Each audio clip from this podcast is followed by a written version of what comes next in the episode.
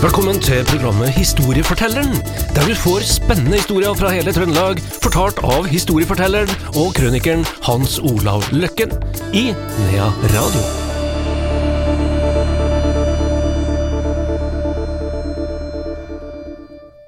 Historiefortelleren er tilbake igjen. Det er også Hans Olav Løkken. Velkommen, Hans Olav. Jo, takk. Du, eh, ikke så lenge siden så snakka vi om en, eh, en, eh, en, en Heggrasbygg, skihopper. Han het vel Halvor Bjørngård. Ja, Og Stemmer dro, det. dro til USA og ble ja.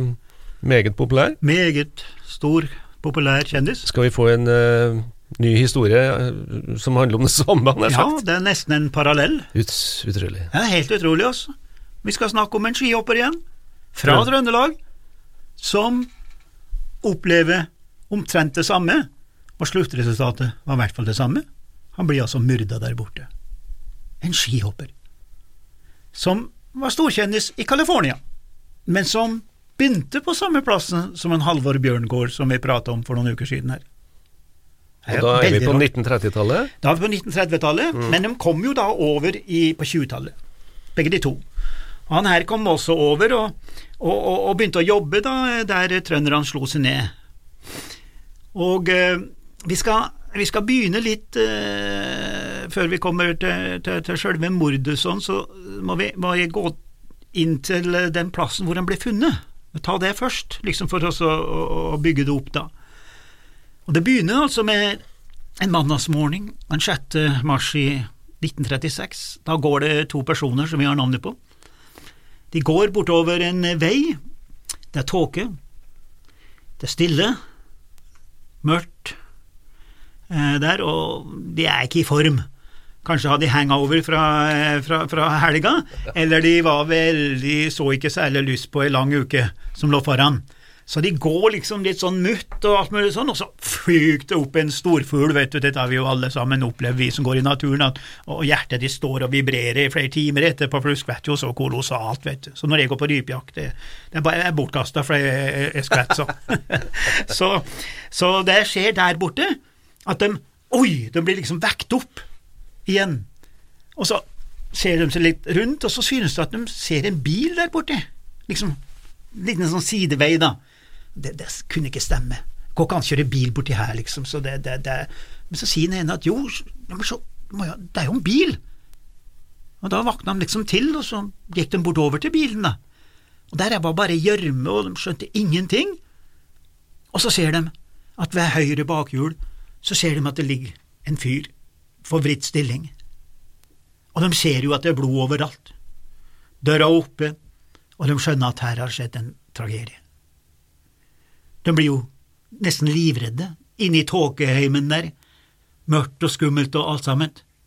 Og den ene sier du får bare vente her, du skal jeg springe og, og, og, og, ringe til sheriffen. Å nei, du, sier han andre, her skal ikke sannelig ikke jeg være alene, nei. Så de sprang begge to av gårde, og etter noen minutter så detter da inn eh, melding, selvfølgelig, til eh, county-sheriffen, da, og eh, han vakthavende der, da, en som heter Morehead, han bare sier til kollegaen sin at det ser ut til å ha skjedd en stygg ting eh, der borte ved eh, Fairview, da, altså som er litt eh, utenfor eh, sentrum der, da. Så de drar dit, og eh, de ser jo selvfølgelig at der ligger den her fyren, og eh, de skjønner at her må ha skjedd en ulykke, uhell, det vet de ikke med en gang, men de ser på hodet at oi sann, de løfter på hodet og ser at det er et høl gjennom hjernen etter ei kule. Og da er det at han herre Måredd ser hvem det er, og så sier han neimen, se her, kjenner du han? Sier han til kollegaen sin, og kollegaen sier bare you bet, det er det amerikanske uttrykket, ja, der blir du sikker. It's Elif de Rose, the famous ski champion. Altså, Enda en skihopper. en skihopper som var storkjendis. Han har drevet i flere år, han. Og det er klart, når det er en kjendis, da, på det nivået Og nå, du vet, det var jo ikke så mye kjendiser i Amerika mulig, men i hvert fall ikke her i Norge. Men han var altså Han hadde jobba i, Minnesota rundt omkring, Altså Han kom seg over og jobba i sånn uh, vindestilleri eller et eller annet sånn i, i på uh, Modesto der en plass, og begynner å hoppe. Hadde talent. Kommer opprinnelig fra opp med Namdalseid. Derås-familien, som er en stor familie der oppe. Og han, uh, han vinner og vinner. Han blir eldre og eldre, men han blir altså hele områdets superstar, da. Og han kjørte en spesiell bil, det er den bilen som de herre fant, og bak på bilen så hadde han alltid hoppskiene. Ja. Så det var lett å kjenne at der kom the ski champion. Her. Og de skulle da begynne å etterforske hvem i all verden har gjort det her, og de setter i gang, og så kommer det frem da at han hadde hatt med seg jente da, om kvelden før der. Det hadde folk observert, selvfølgelig, for de, de, de, følger med sånn når de kommer kjendis. Det var ei som var forlova med en fyr. Og da kan du legge sammen to pluss to. Da ble det nesten et sånn sjalusidrama, ikke sant? Så der hadde den første tanken, det første motivet for en som ville bli kvitt han her der også, som tulla med jenta hans. Og det var, Jeg leste dette forhøret, og det var veldig interessant, og, og så videre og så videre. Men du vet, de er jo ikke de er ganske smart, disse her eh, detektivene. De har vært ute en, eh, en, dag før dem. Så eh, når de begynte å undersøke litt rundt bilen, da, så ser de at det var en mindre skohæl. Der man kaller Cubian Heels nummer tre. altså I staten er jo 1, 2, 3, 4. Det er ikke sånn som 38, 39, 40, 41, 42 hos oss. Da, og de skjønner ja, men her er et kvinnfolk. Kvinnfolk, det er jo avtrykket til kvinnfolk. Så sier den andre nei, aldri i verden. Det kan ikke være noen kvinnfolk som har klart det her. Altså, for bilen har kjørt seg fast og fjerna, og de ser også at, at den har vært skutt av et våpen som er beholdt i venstrehånda. Altså, det er utrolig hva de finner ut når de setter i gang de her eh, smartingene. Så de legger sammen to pluss to og sier som så, nei, det kan ikke være noen kvinnfolk som har klart å løfte han herre Derås på 100 kilo ut der og, og helt tatt eh, Hvis du ser på mord i verden, så er det jo nesten ingen mord skjedd av kvinnfolk med pistol. Det er gift det går, skulle jeg si. Her. Men, så de, de, la sammen alle såkalt sannsynlighetsberegninger. Så sier han ene jeg får ta meg en tur til St. Altså det kjente fengselet der borte, vet du. Kommer inn der, snakker litt rundt seg, og så får han høre at det er en fange som har laga seg en sånn hæl. Ja. En sko, en litt sånn spesiell hæl, for den var så kort. Smart. Ja. Så de får tak i navnet på han. Jo, han var released, altså han var frigitt for to måneder siden, ut av fengselet. Hva gjør de så? Jo, de går og kontakter såkalte pennevenner. Det er jo en, det er jo en del Jeg sier nok kvinnfolk, da men, men, det kan jo være mannfolk uten at jeg vet så mye om det. Men det er mange sånne pennevenner som korresponderer, som sender brev til dødsdømte, til folk som sitter inne i 20-30 år. Og det blir, det blir, et slags forhold mellom dem. Mm, det har vi hørt om. Det har vi hørt om, ja. ja. Så de sporer jo opp, da, pennevenn, at han her, da. Og da kommer det fram at hun hadde kjøpt en kornett til han her fyren. Kornett. Og de dro til den forretninga hvor kornetten var kjøpt, da, for bare å snakke med der. Og da viser det seg at det kommer inn en enarma mann som halta på noe sånn hæl, da, med kornett som en ville bytte til en pistol. Ja, nå begynner det å nærme seg her, ikke sant? Men han solgte ikke pistol, han herre fyren så han kjøpte kornetten tilbake for 15 dollar.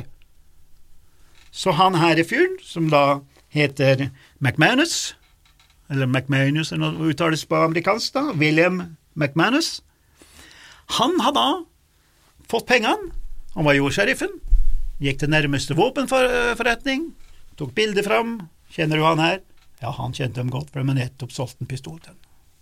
Så der ser du hvordan man jobber seg frem Og da sier han her Morehead, til kollegaen sin, da, når de, for de går ofte to og to vet ute på sånne oppdrag, så sier han I'll give you 24 hours, then he'll be ours. Da vel altså Den tar den i løpet av 24 timer. Sendt ut til alle patruljebiler og sånn, og de tok den. Og han hadde pistolen på seg. Og er ikke så særlig smart, da, men han hadde pistolen på seg. Og eh, løste i og for seg eh, saken der, da. Og eh, han eh, fikk jo da livsvarig fengsel. Han klarte faktisk alt å rømme etter en stund, men de tok han da òg. Og eh, den her eh, Den som har skrevet veldig mye om dette her, da, har jo liksom vært inne på dette her, hvorfor Hvorfor Hva var motivet? Det viser seg da at han han det, de Rosa, da, skihopperen, hadde plukka han opp som haiker utenfor en bensinstasjon. Da kommer det flere vitner, da, vet du, ikke sant? for de kjente jo bilen til han skihopperen som visste at Og de ser at han plukker opp en fyr. Og at han, da mener de det at han her eh, fyren, da, William McManus, som da hadde sånn kunstig hæl, og hadde bare én arm Det er derfor han var så sterk og så skjøt med venstre og sånn, da de funnet ut. At han eh, fikk panikk, da. For plutselig så ser han kanskje en av Californias mest kjente personligheter på den sportsmannen, ikke sant. Det var jo spesielt det òg. Og det var lettere, påstår mange, på 20- og 30-tallet, og liv var ikke så veldig mye verd i visse kretser. Og det er klart, de hadde nettopp kutta ut dødsstraffer og sånn nå, så sjansen for å skal vi si overleve var større, uten at det kanskje var noe argument, da. Men det er klart det at for de som tapte her i samfunnet, taperne, og for mange som var, vært forbrytere og alt mulig sånn, så var det lett å være forbryter på mange måter, pluss det var dårlige tider. Det var dårlige tider.